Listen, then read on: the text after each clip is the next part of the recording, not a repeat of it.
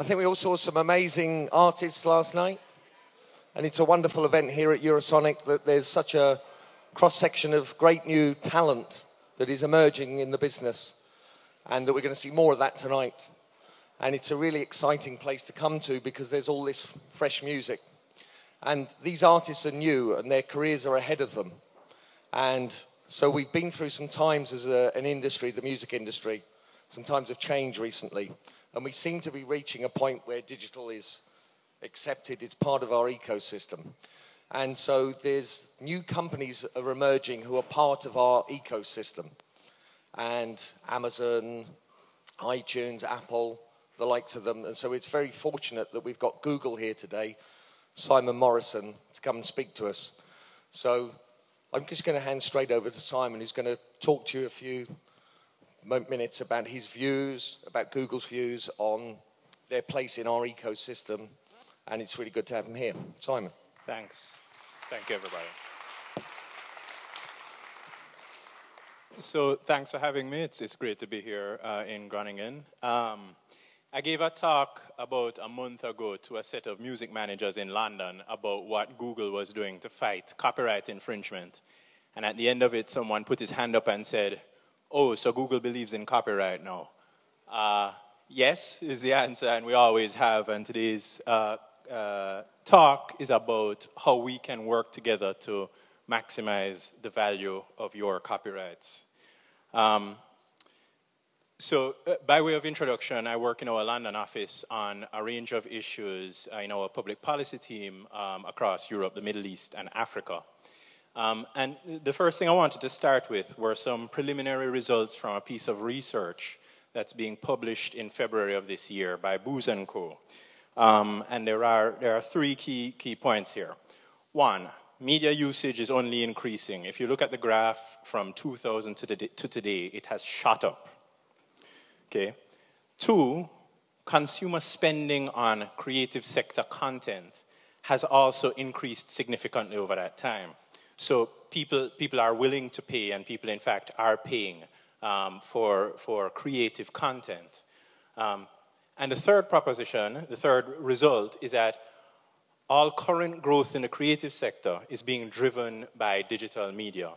So I want to talk today about what Google is doing in this space, um, and how we can take advantage of that growth, um, that digital growth that is happening um, together.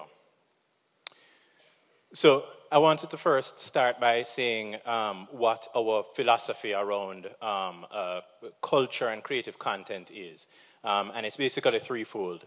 Um, Google aims to, to provide search and discovery tools. Um, everyone knows this, um, but we think it's a boon for artists if you can be discovered online. Second, we want to provide economic opportunity. So at our base, while we, we do many other things, we are an advertising company. So we work with artists on a lot of um, different tools, including how to make money through advertising.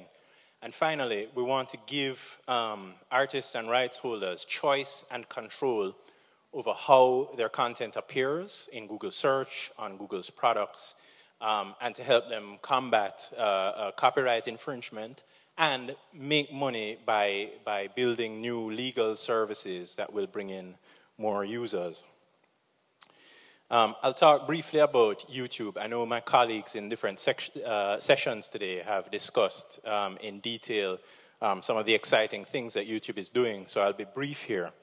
Um, but here I just wanted to say we, we know that YouTube has one, created stars. You know, this slide has, among others, Esmée Denters, Justin Bieber, and Soulja Boy, people who became worldwide uh, celebrities on um, major record labels based on showing their talent on YouTube. Um, now, even for those amateurs who are not becoming global uh, names, there are many, many people in the long tail making money, making significant money in the YouTube Partner Program. Um, so they have material that's of interest. Um, they might have a YouTube channel. They, they build fans, um, and they're making money. Um, and this is something of the scale of, of how much is happening. 72 hours of video are being uploaded every minute to YouTube. Um, so it's worth thinking about this. In 2010, in the US, um, there were something like 870 films released.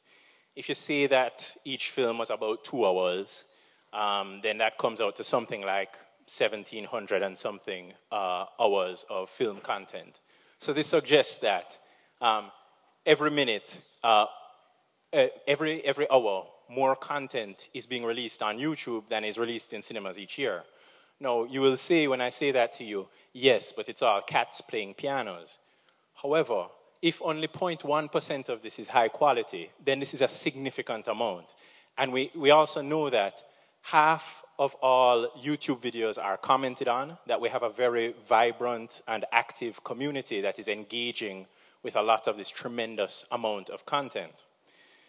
Um, now, let's go back, let's take a step back and talk about the search and discovery aspect. We think that every single click is an opportunity for an artist. Say, for example, I do a search for, for Billy Joel. Um, I'll see, in addition to his official web page, uh, ads on the side, YouTube videos uh, uh, within search results. And if I click through to YouTube, I'll go to the, the Vevo page where I can watch his video. Um, you'll see the bar at the bottom. I can buy from Amazon, iTunes, Google Play, and other, um, other stores. Um, so this becomes both a marketing and a commercial opportunity. And this is in addition to the ads that are running on YouTube um, for which uh, uh, the rights owner and Google will share the revenue. So partners are making revenue across um, the range of sizes of partners that exist. Um, we have major label partners, uh, independents, um, and we have smaller unknowns who are making money on YouTube. Um, as you see here in 2011, the number of partners making more than $1,000 a month doubled, and that number is going up exponentially. Um, and thousands of channels are making six figures each year. Now, to talk a little bit about the question of piracy on YouTube, this is a place where we've been able to take a potential negative uh, and make it into a business opportunity. So we've spent uh, something along the lines of $30 million um, in investment and man hours um, in building our content ID system. Um, now what this is, is a, is a, fingerprinting system. You as a right owner give, gives Google the, uh, the uh, reference files, we make a thumbprint, and every time someone uploads your video to the site, we scan uh, and we follow your instructions. Now rights owners have three options. Um, they can say block this content whenever someone tries to upload it. Uh, they can say monetize this content, that is, run ads alongside it and give me some of the money. Um, or they can say leave it up there and just give me statistics about what's happening. For example, if you want to know who is interested in your content. Um, no, the vast majority of matches are monetized per our partners' wishes. Um, and I should say that this works exceedingly well for audio and video content. Um, it works for uh, uh, uh, videos of people holding up their phones at concerts where there's a lot of ambient noise and it's shaky, distorted videos of movies. Um, it, it's a sophisticated piece of technology, and it's making money um, uh, for our partners. This is a, a, case study of that. Um, no, this is a, a, wedding video that came out, that, that, was put up onto YouTube a couple of years ago. Uh, the wedding party um, did a dance, a choreographed dance to a Chris Brown song, which had been, on a, which had been out for, for some time. Um, no, uh, the record label's uh, uh, uh, wishes were that we monetize this content, so it was left up and monetized. Um, and the video shot to more than a million views in a short period of time.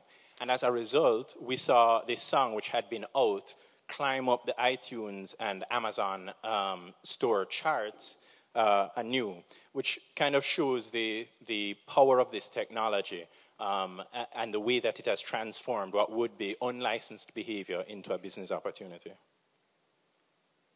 Um, again, this was discussed a little bit by my colleagues, but there are always new tools that we're thinking about on YouTube, including the possibility of live streaming uh, festivals, um, using our Hangout technology to reach fans and to broadcast um, your content.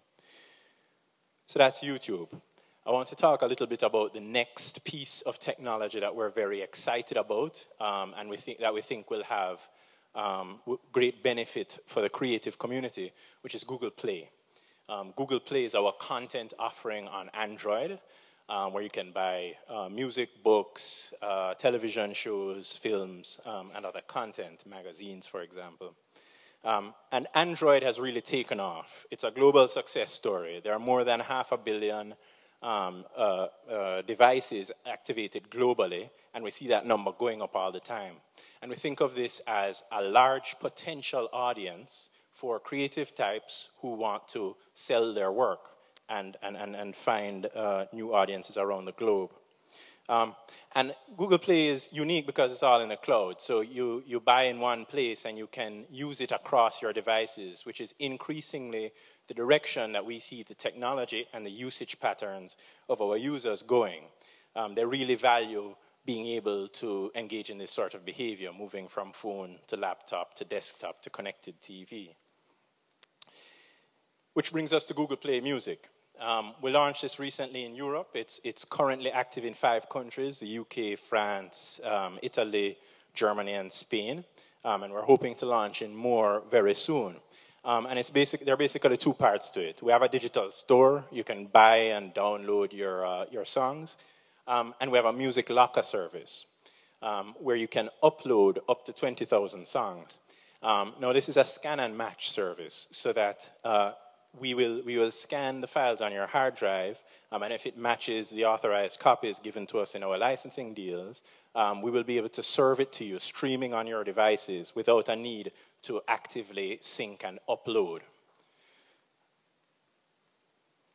And I should mention with the, with the locker service that this again is a, a, a revenue opportunity because with every scan and match, a license payment is incurred. So it's, you have two, basically two different revenue opportunities using the service. Um, now, there are opportunities for artists on Google Play.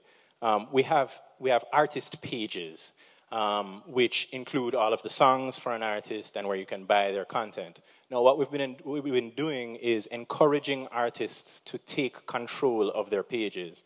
Um, so if you are a, a musician, a band, um, you can go in, claim the store page, personalize it, and begin to market it across your uh, social presence on the web. Um, so you let your fans know it exists. Go to play.google.com slash artists to do this.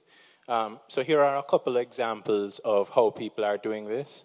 Um, on their web pages, you can uh, embed the Google Play link. Um, on their social presences here in Facebook. Um, and here are a few examples that cuts off, it seems, but here are a few examples um, Umphrey's McGee made live recordings of over a dozen shows uh, via the Artist Hub. Um, the one at the bottom is a hip hop artist who released, releases mixtapes through, uh, through Google Play via, via the Artist Hub. Um, and so it gives bands much more flexibility to market themselves, to sell directly if they like, um, and, and take control of their web presence. So as I said at the beginning, the digital marketplace is, is, is booming, and these are some stats to, to back that up. Um, we think that there is a great deal of opportunity online and that we're in a moment of transition. Um, there is a lot that needs to be done, but the, the examples that I've shown are, uh, exemplify what Google is doing in this space. Um, but we think that there's more to come, um, and that there are things, there are actions around, for example, um, funding and improving licensing, which need to take place to make sure that the next wave of services emerges um, to take advantage of the opportunity that's out there. Um, we know that industry costs are declining, uh, making it easier to reach fans, make it in, making it easier for uh, small parties to grow their presence uh, globally. I mentioned licensing um, let, me, let me stop here for a moment to say that um, we have found as Google that um, it has become easier over time to license large uh, bodies of, of content, large repertoires, um, in a multi regional way. But we do believe that this needs to become easier because it, it, it is too common an experience for um, small businesses in the content space to have an idea uh, which then cannot come to market for months or years uh, because of the difficulties associated with licensing. Well, two years down the line, uh, the idea might not be right for the market. Um, so we think that to find all of the, the potential opportunity online and in the digital space, it's important that licensing is rapid um, and efficient. And this will benefit everyone across uh, the ecosystem, um, not just us, obviously, but consumers who will have access to good legal services um, in various models, um, and rights owners will be able to find their fans and sell them uh, music content. Um, so uh, I, I would be remiss not to discuss briefly uh, copyright infringement, which is uh, an issue that comes up frequently. Um, let me just say that Google is working very hard to minimize copyright infringement um, online. Our position has always been, though, that um, legal services are a better way of uh, limiting copyright infringement than more enforcement, um, which is why we work on Google Play and these features and products on YouTube. But here's what we're doing specifically on copyright infringement. Um, so about two years ago, um, if you looked at the number of, of takedown requests that we processed, that is, you see someone has put your, your music or other content online without your permission, you tell us it's yours, we take it down in accordance with the law. Um, a couple of years ago, we were receiving in the order of hundreds of thousands per year. In the last month, we received 14 million of those requests. And we're processing them within hours. Now, what, what that means is not necessarily that piracy is increasing, but that we have better systems in place now for processing these, and rights owners are becoming very good at processing their takedown requests in bulk. Uh, we're seeing third parties emerge who act on behalf of rights holders. So it's becoming much more possible to police copyright infringement online using these sorts of tools and these uh, third party actors. Um, in response to something that we heard a lot, uh, which was that autocomplete was including terms that might suggest piracy to users. Um, we now remove terms from autocomplete that tend to lead to pages for which we receive a lot of takedown requests. Basically, we don't want to inadvertently lead anyone to piracy, um, and so we've removed those terms entirely advertising is a big uh, is a big one. Um, we obviously are a major advertiser online, and in uh, in accordance with our industry association, um, we're making sure that our own advertising um, does not appear on sites with infringing content. Um, and this involves working with rights holders. It involves um, listening to them when they tell us that they suspect um, our advertising is appearing on these sorts of sites. Um, and this is something that we've, we've had a great deal of, of success with. And then finally, we, we're using takedowns, uh, the number of takedown requests that we receive for a given website as a ranking cue. So you are you may be less likely to appear high in search results if your page uh, produces a very high number um, of, of takedown requests. So with that, I think I will open it up to the panel, um, and I look forward to the discussion. Thank you, Simon.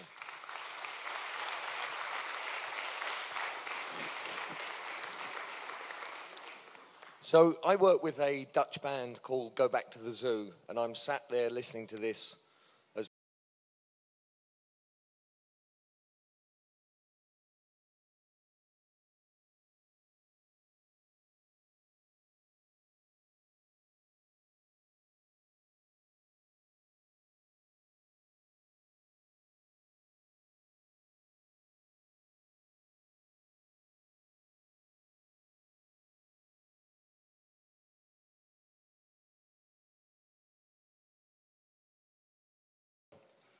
And I'd like to invite Will Page up, who's from Spotify, who's an economist, who should be able to name some of this, nail some of this. And I should have Jeff Price here, who set up TuneCore, which is a fantastic digital distributor. And he's now involved with SOCAN, the Canadian Author Society. And I've got Robert Baruch here from Buma to look at this from an author's perspective. So maybe if I could just get you guys to respond briefly. Peter, if I could start with you, just a few minutes on what you thought of what Simon had to say and Google's position in so our put industry. me right into the hot seat. Um, luckily, I took a couple of notes. Um, I, I think that the thing which I found most difficult with Google, my so far my beef with Google, is going into PRS and asking them, what's the basic structure of the PRS? That's the Buma Stemra of the UK. What's the PRS deal with Google? And they said, I can't tell you. I said, why can't you tell me? I, I represent artists whose work is being included in this. Can't tell you because of NDAs.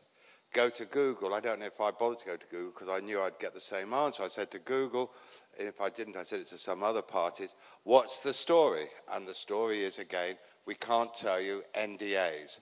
Now, I think that personally, and this is my beef, that when a collection society is doing a deal on behalf of their members, they don't own the rights, they're just doing a deal on behalf of their members.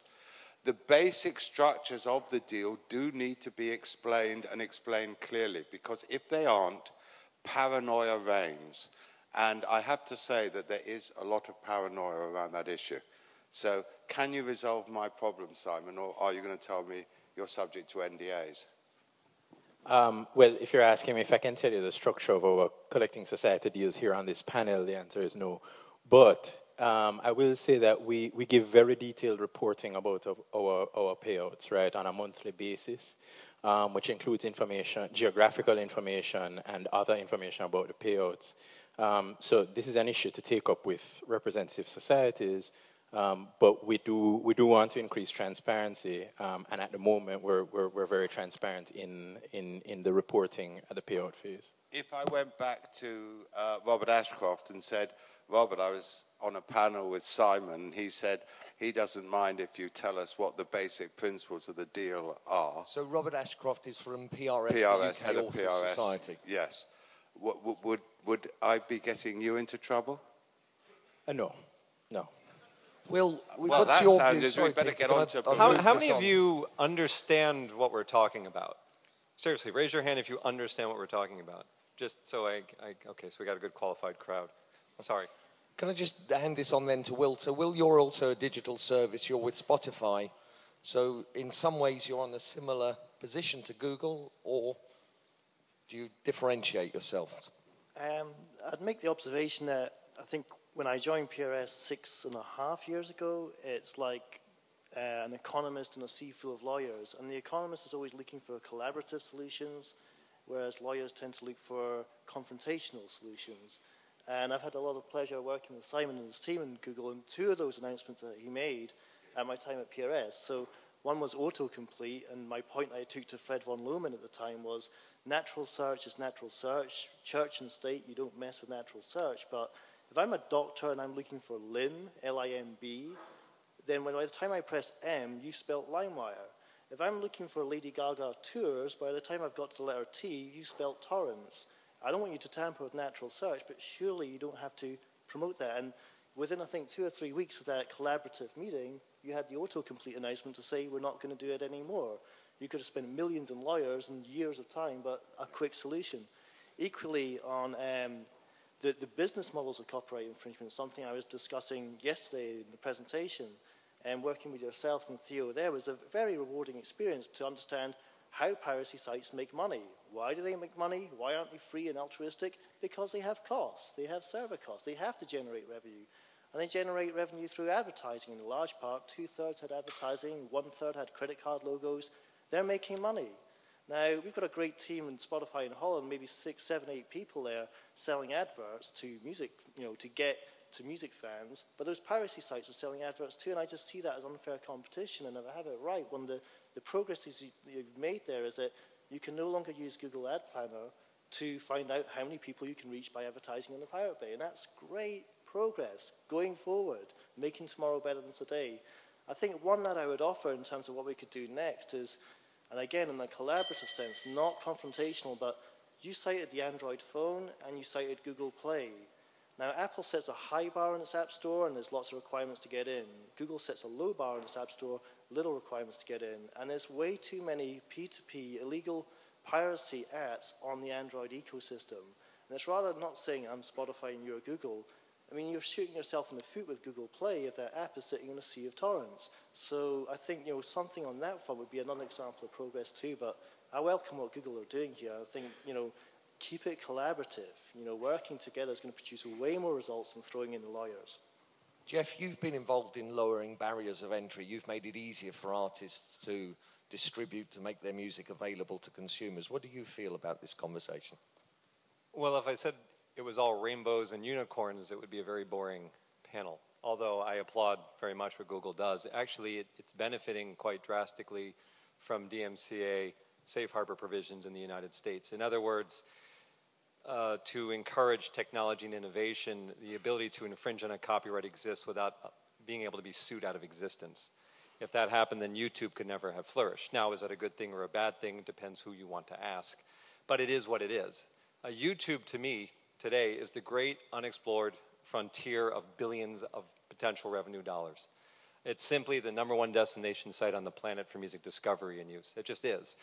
Um, what concerns me isn't the opportunity. I think the opportunity is great, and I intend on doing something to capitalize on that to allow anyone that creates music to have access to get the money that they're owed from the use of their copyrights on YouTube, because you guys have created a great scalable system. What concerns me is when I hear efficiency of licensing, what I, which is what you were describing to help with innovation, what I hear is denying an artist a choice.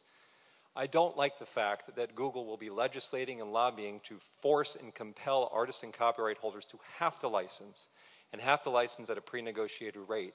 Artists were not put on this planet to allow Google to make money or Pandora to make money. And if it's tough, tough shit.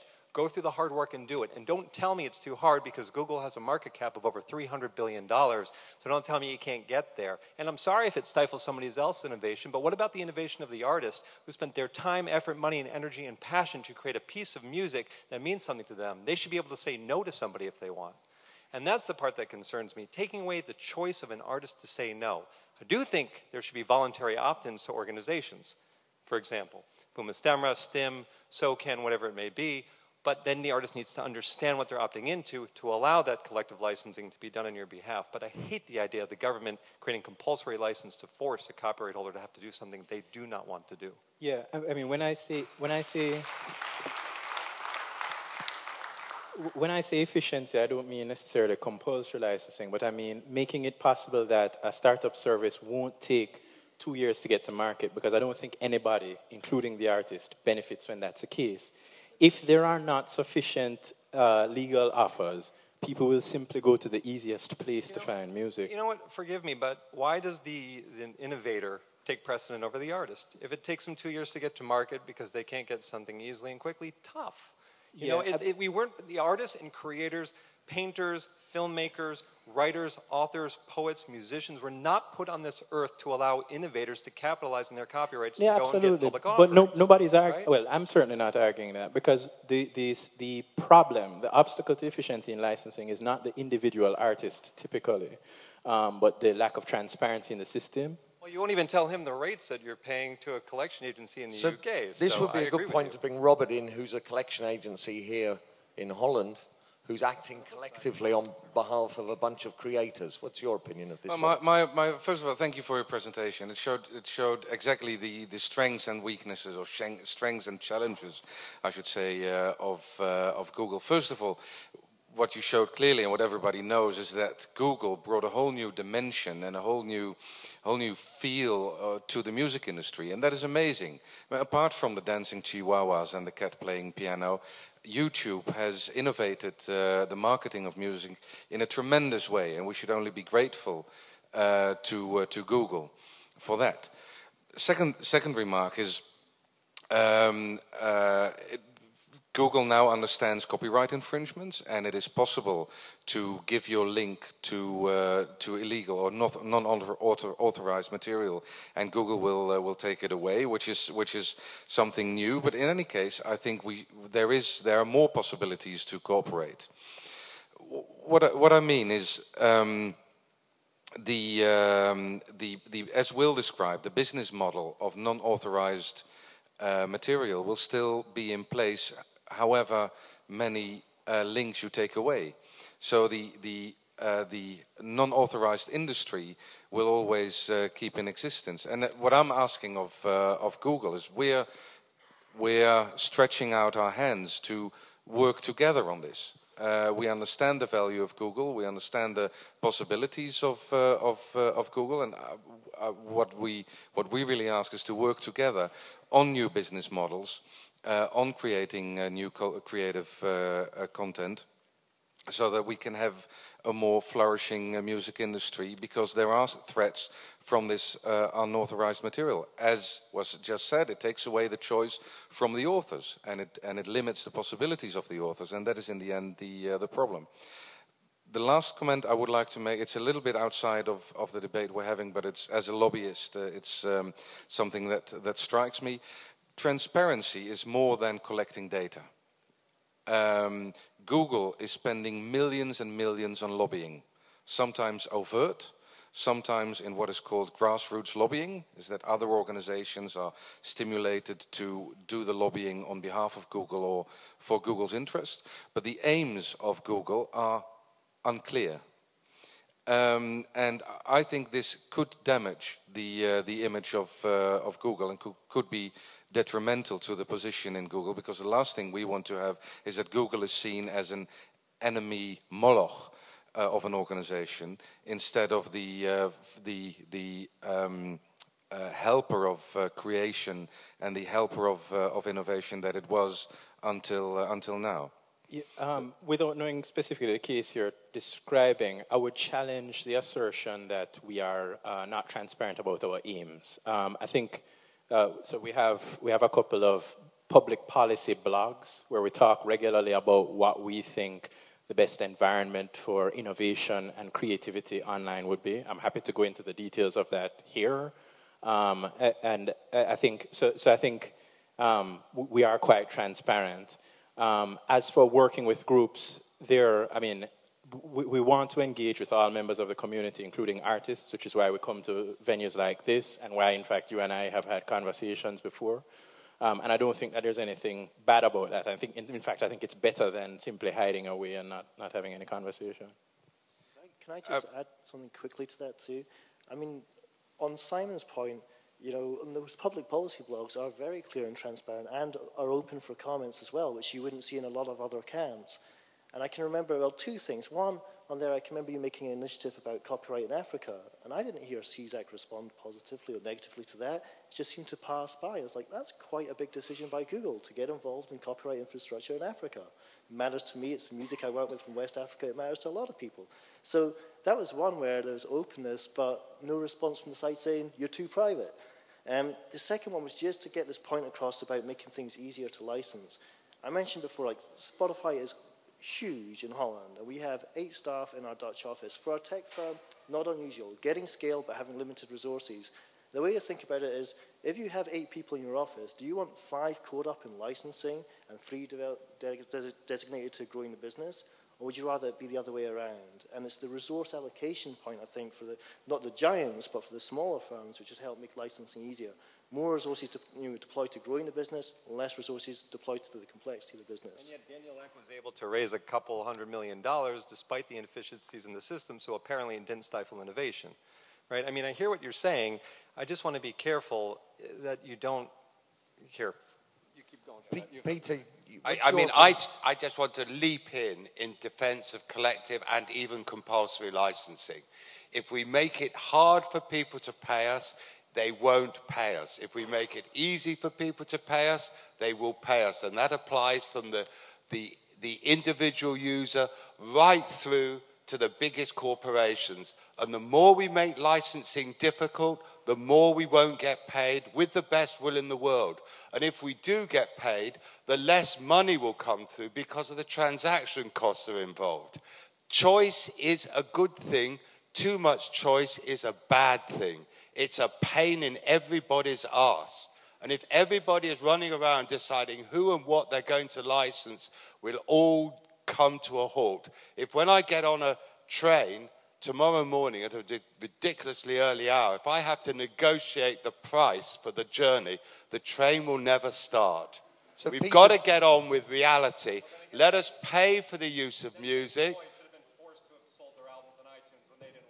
I, I would be quite happy for that to happen. Yeah, but that was their decision, right? That was their decisions, and they were big enough and bold enough to be able to make that decision and to say, I. So we're I- talking about control, screw aren't we?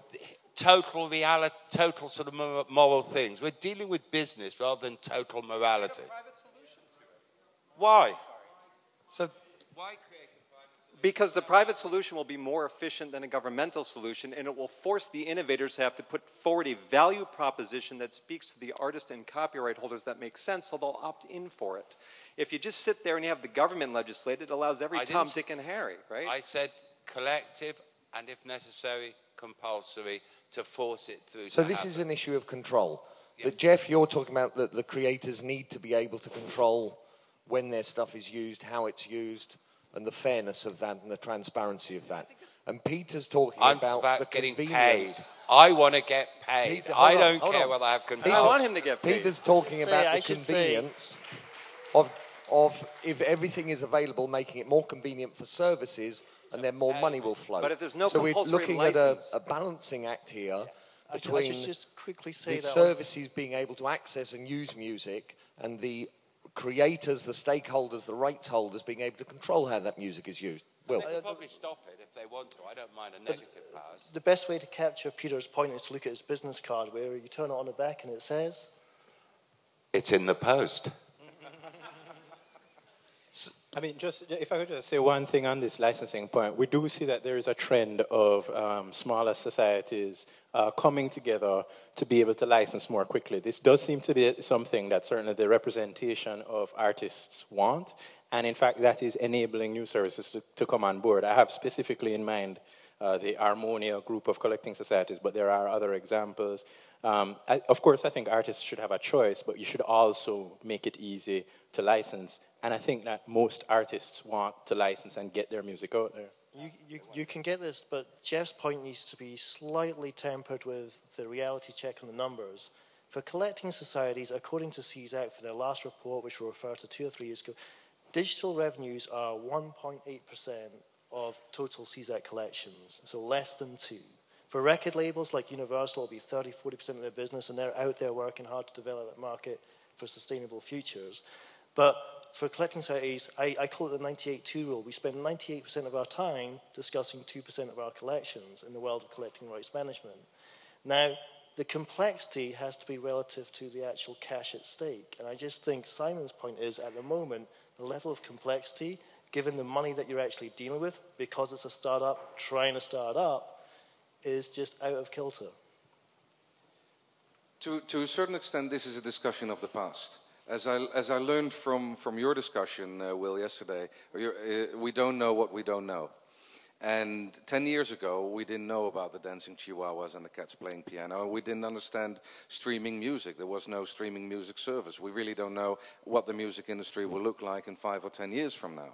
So we have to go back to the basics and we have to go back to the essence. And the essence is if authors don't have a choice and if authors don't have a model to make a revenue, this will be the end of cultural diversity. Only the popular um, the popular music will uh, will survive. Niche music, smaller audience music, will very easily disappear, and you will create, in fact, a monoculture of uh, um, of music that is only commercially interesting in a uh, in a short run. This is why I'm saying, or asking Google again think about the model on the long term and get into touch with the authors and stimulate creative diversity, not only, not only by, uh, by, the, uh, by creating a model in which revenues can be made, but also think ahead and think about what's going to happen in, in, uh, in 20 years from now. Simon, are you interested in having a, a diverse array of content out there from a number of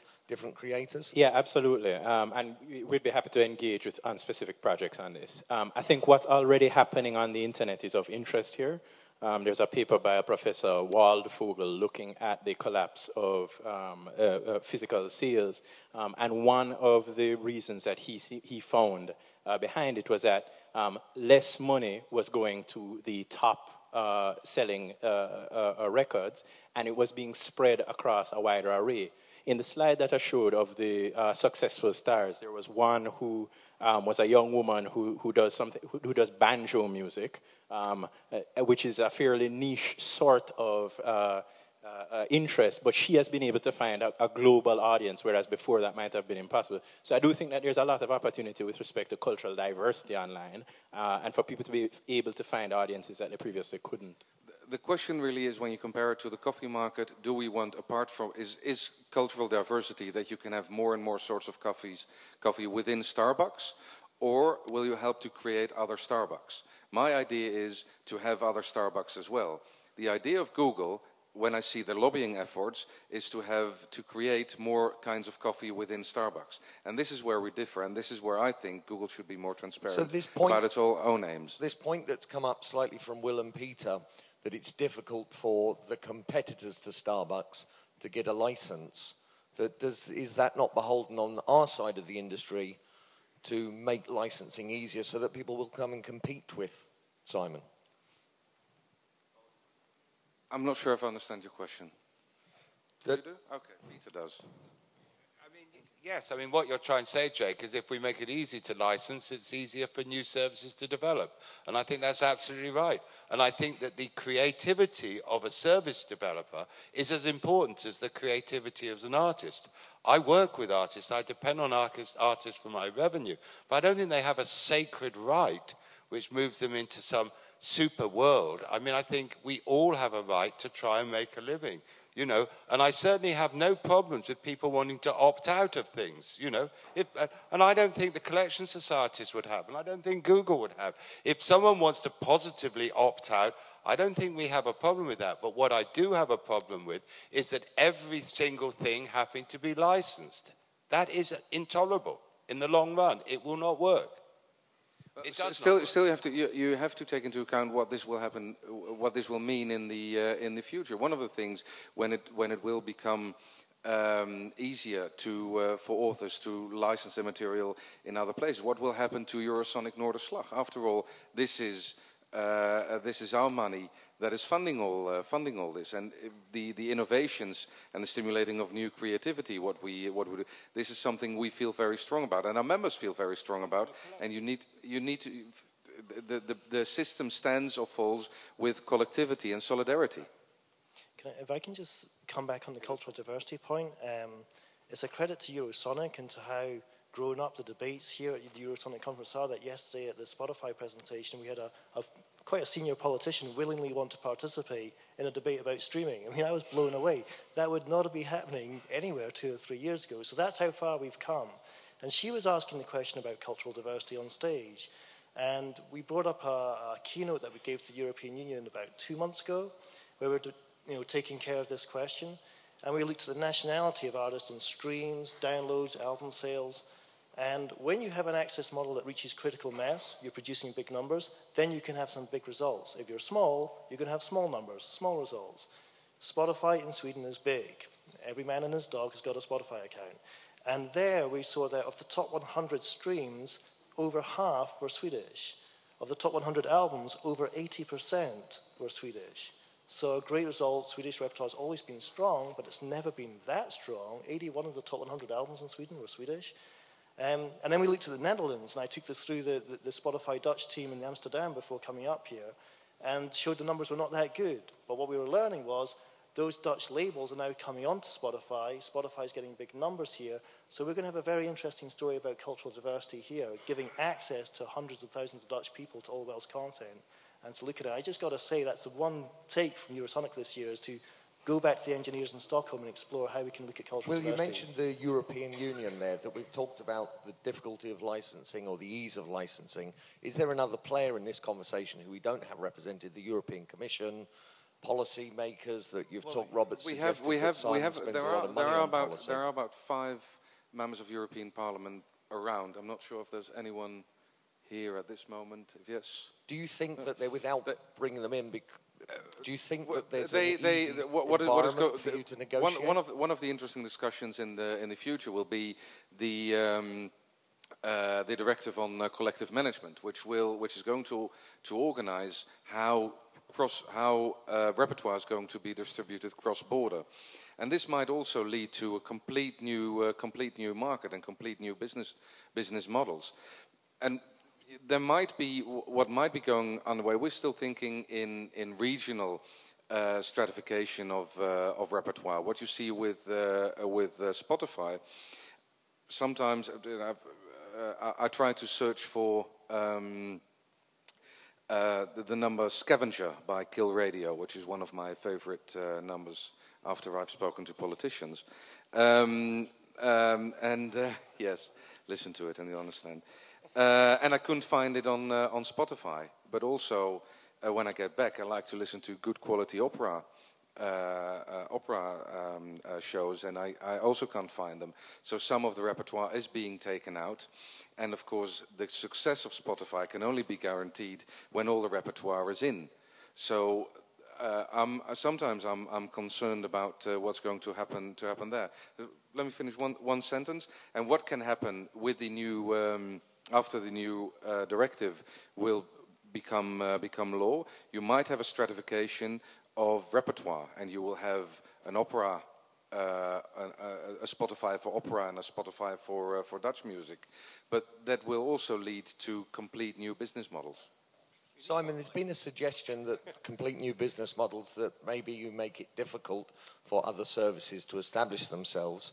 And we've also just heard a bit about the European Commission and the role of the European Parliament in making legislation that would either make it easier or harder for other services to establish themselves. Are you concerned about competition from other services? Um, we're, we're, focused on building a good business. We just launched Google Play uh, Music uh, in five countries. We want to launch in more and want to establish an audience. I think when we talk about the ideal legislative and other uh, environment for innovation, we are alongside Spotify and the other creators um, because we have the same desire here. We have the same goal. Uh, so it's, you know, we're not at that stage at the moment. We just want to make it possible to launch quickly and reach audiences. Um, so, so no, I'm, I'm not particularly worried. And remember, music is a means to a different end for Google, and there's nothing wrong with that. Um, music is a means to an end for Apple to sell hardware devices and get an operating system adopted. It's the same thing with Google. Google has multiple income streams. So it can use and utilize music in different ways to the benefit of its shareholders and its stock price. And I think Peter and I are, are in violent agreement. Perhaps we're coming at it from different sides. What I don't want is a government body being influenced by a lobby group being payrolled by a multinational, multi-hundred billion dollar organization, devaluing music to the point where it's forcing the cost down so they can use it for innovation at the expense of the creator. That's what I don't want. What, what do you see as devaluing the, the music? Uh, what I see is setting a price point that the artist feels is not being properly compensated for the use of their work. Right? We have a free market in most of the most of EU, the UK, and the US, and as radical as it sounds, um, it, well, actually, it's not radical. In the EU, in the UK, you are not compelled to join a collection agency. By the way, this is hijacking the panel a bit, but one of the major challenges Google will have is Look, at TuneCore, we were distributing 15,000 to 20,000 newly recorded releases a month. And of those recordings each month, over 70% of the people that wrote those songs were not affiliated with any PRO or collection agency around the world, which meant the exploitation of those compositions occurring in all the digital music stores were doing so either without a license or if they got a blanket license, without the payment going to an entity that should have received it. So there's what was, which is the mess, unfortunately, of the major labels and the traditional collection agencies, and one copyright being split between 55 different collection agencies around the world, which is a nightmare for you guys, versus the new industry where you have this gentleman or this woman right here uh, owns and controls her masters for the world and has written the songs herself for the world and can do a direct license one to one with you on that, bypassing an organization like this, which isn't music to their ears at all. Um, but getting back on, on the original topic of, of, I, you know what, I completely rambled off into a different section. If I, I hijacked myself. if I could just pick up on, on one thing that you said, I actually don't think we're working in such an, uh, a, a free and open market right now with respect to music, because if you don't know, if you don't even know the repertoire that you're licensing, um, it's already skewed. So what, what, we're asking for is basically um, a, a, more level uh, uh, uh transacting ground on which to operate let's just say I had challenges as TuneCore moved into doing uh, representing the songwriter. What we found is the constituency had earned 400, 500 million dollars off of the exploitation of their master recordings, but they didn't get their money as the songwriters or publishers. And I went and I tried to do deals direct with digital music services. So they would pay back the money for the master goes directly back, and then the money for the songwriter could go directly back from around the world. And that's your biggest challenge. The challenge is the new music industry is the individual artist represents both master and composition for the world, and it's one rights grant. And you've got this pre-existing entrenched industry, which has been around for 80 years with 30, 40 billion dollars moving through it. You know, just the publishing entity alone does 12, 13 billion a year, and they're being disintermediated, and they're making your lives a living hell. Whereas people like I want to talk about frustration. I want Google to direct license from TuneCore. I want it to support, and why wouldn't it? It's an efficiency. It gets the money back into the people that created it So without being dipped and doubled. There's some huge, there's collection societies, there's these big organizations, there's rights holders, we've mentioned the master rights that we talk about, record companies, that there's a system here of people that have got to do deals with Google and Google have got to deal, do deals with them. Peter, is the artist represented in this conversation? Is the artist on one side or the other or somewhere else? I think the artist just wants to get paid. I mean, it's back to that thing. And what's the simplest way of getting paid? And there's no question that the, the, the best way we get paid at the moment is through the PPL PRS system on radio. There's a lot of money gets paid through, and it gets paid through to PPL and PRS. So PPL is the equivalent of is SENA. SENA, and PRS is Buma Stemra. And the, the, overall, artists do not complain. They get checks regularly. They may not. They may wonder whether they should get a little bit more or a little bit less, but basically, with a very minimal amount of aggravation, they get money if their records get played on radio. And radio stations, and this is Europe, this is not America, Jeff. In Europe, if it gets played on radio, you tend to get paid. In the end, and you don't really quite know why or what, but you do. And if you like, you can opt out. Yeah, but it's not about the, the new music industry is the artist who controls all of their No, rights. no, Yes, the new yes, industry. yes. The I'm new sorry. industry is the new industry, whatever it is. And I happen Well, to see. I see Spotify, I see Google.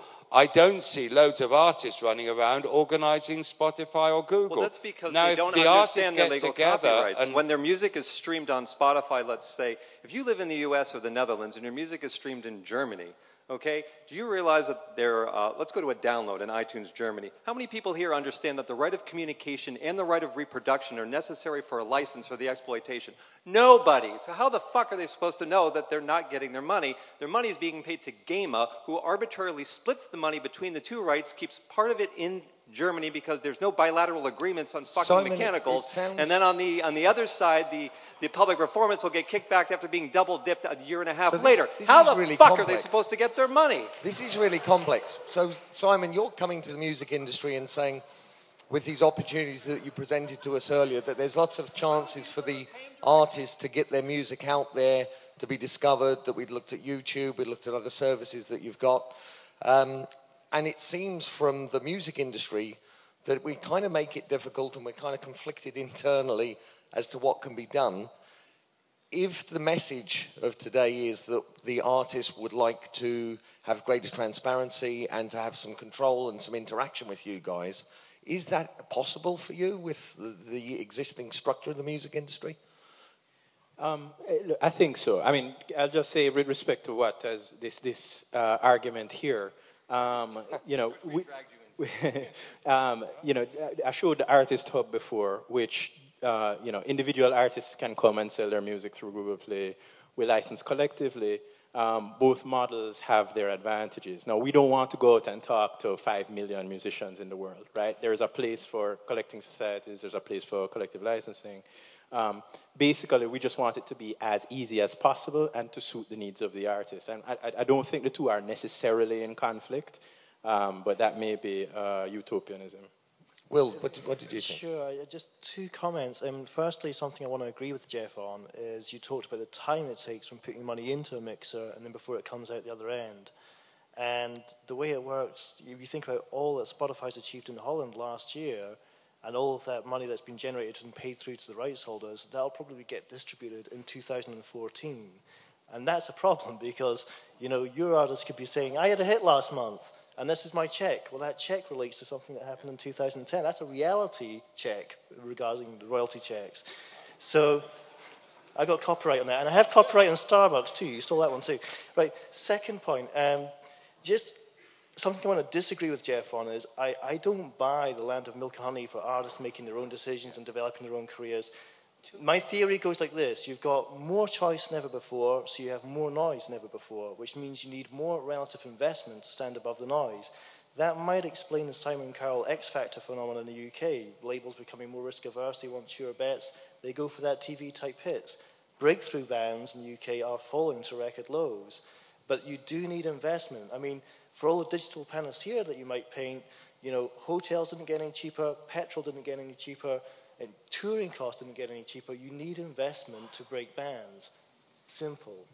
In, in, in reaction to Will, it is, it is true that, uh, that it takes time to distribute money uh, after something has been streamed on, uh, on Spotify. We get about 100 million lines of data every month, and it takes some time to build the models to, to, to qualify that in a, in a good way.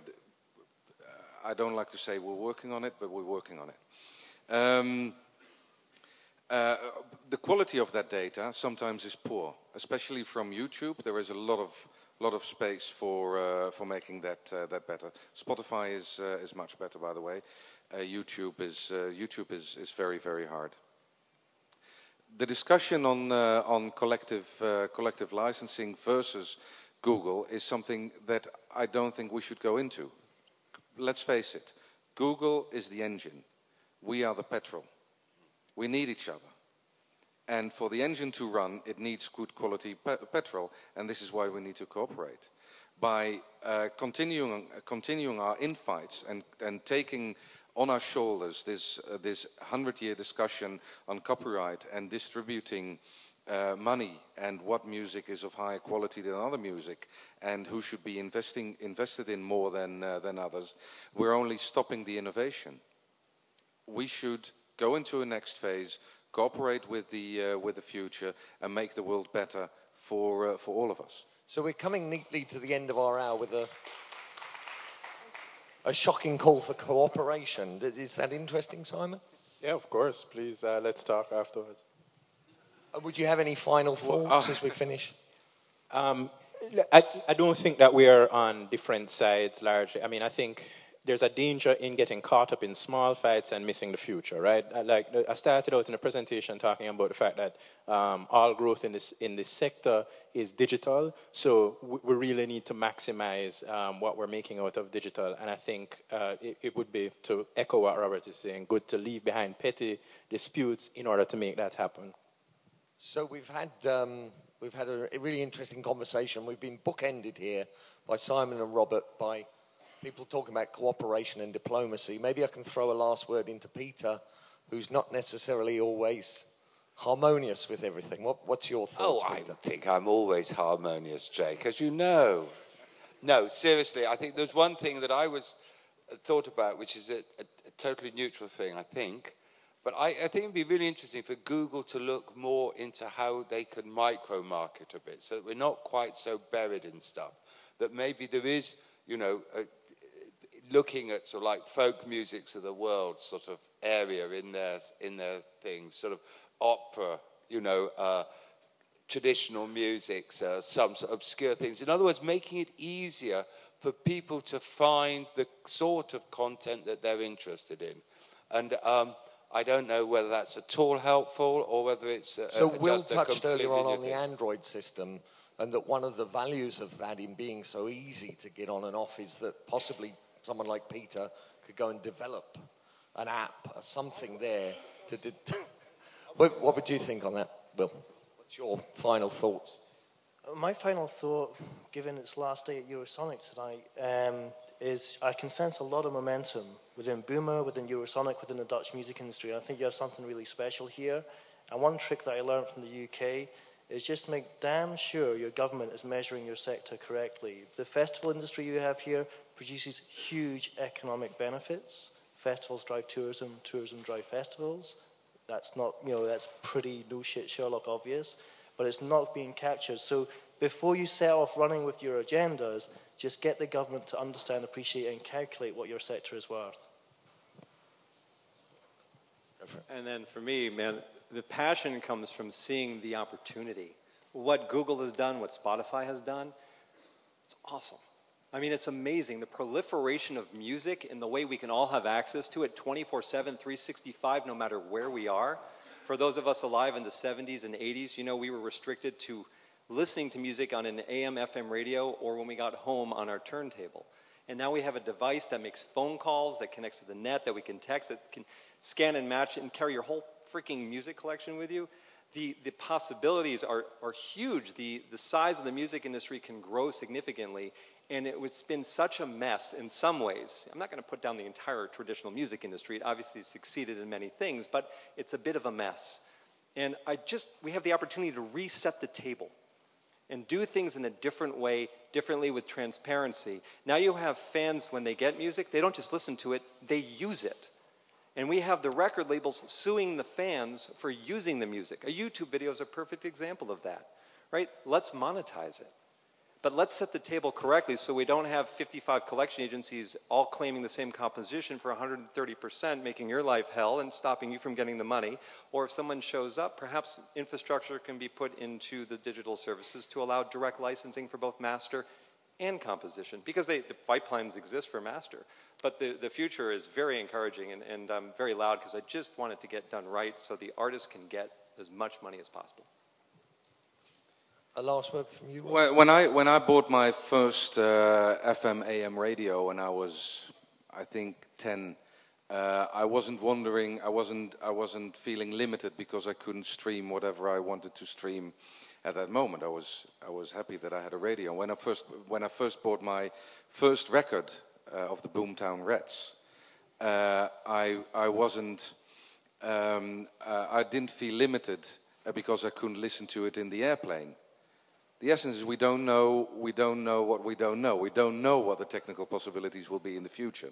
What we do know is that everyone who works, who creates a new musical work, should receive revenue for it. This is the essence of what we do and the essence for the Google engine to keep on running. Thank you.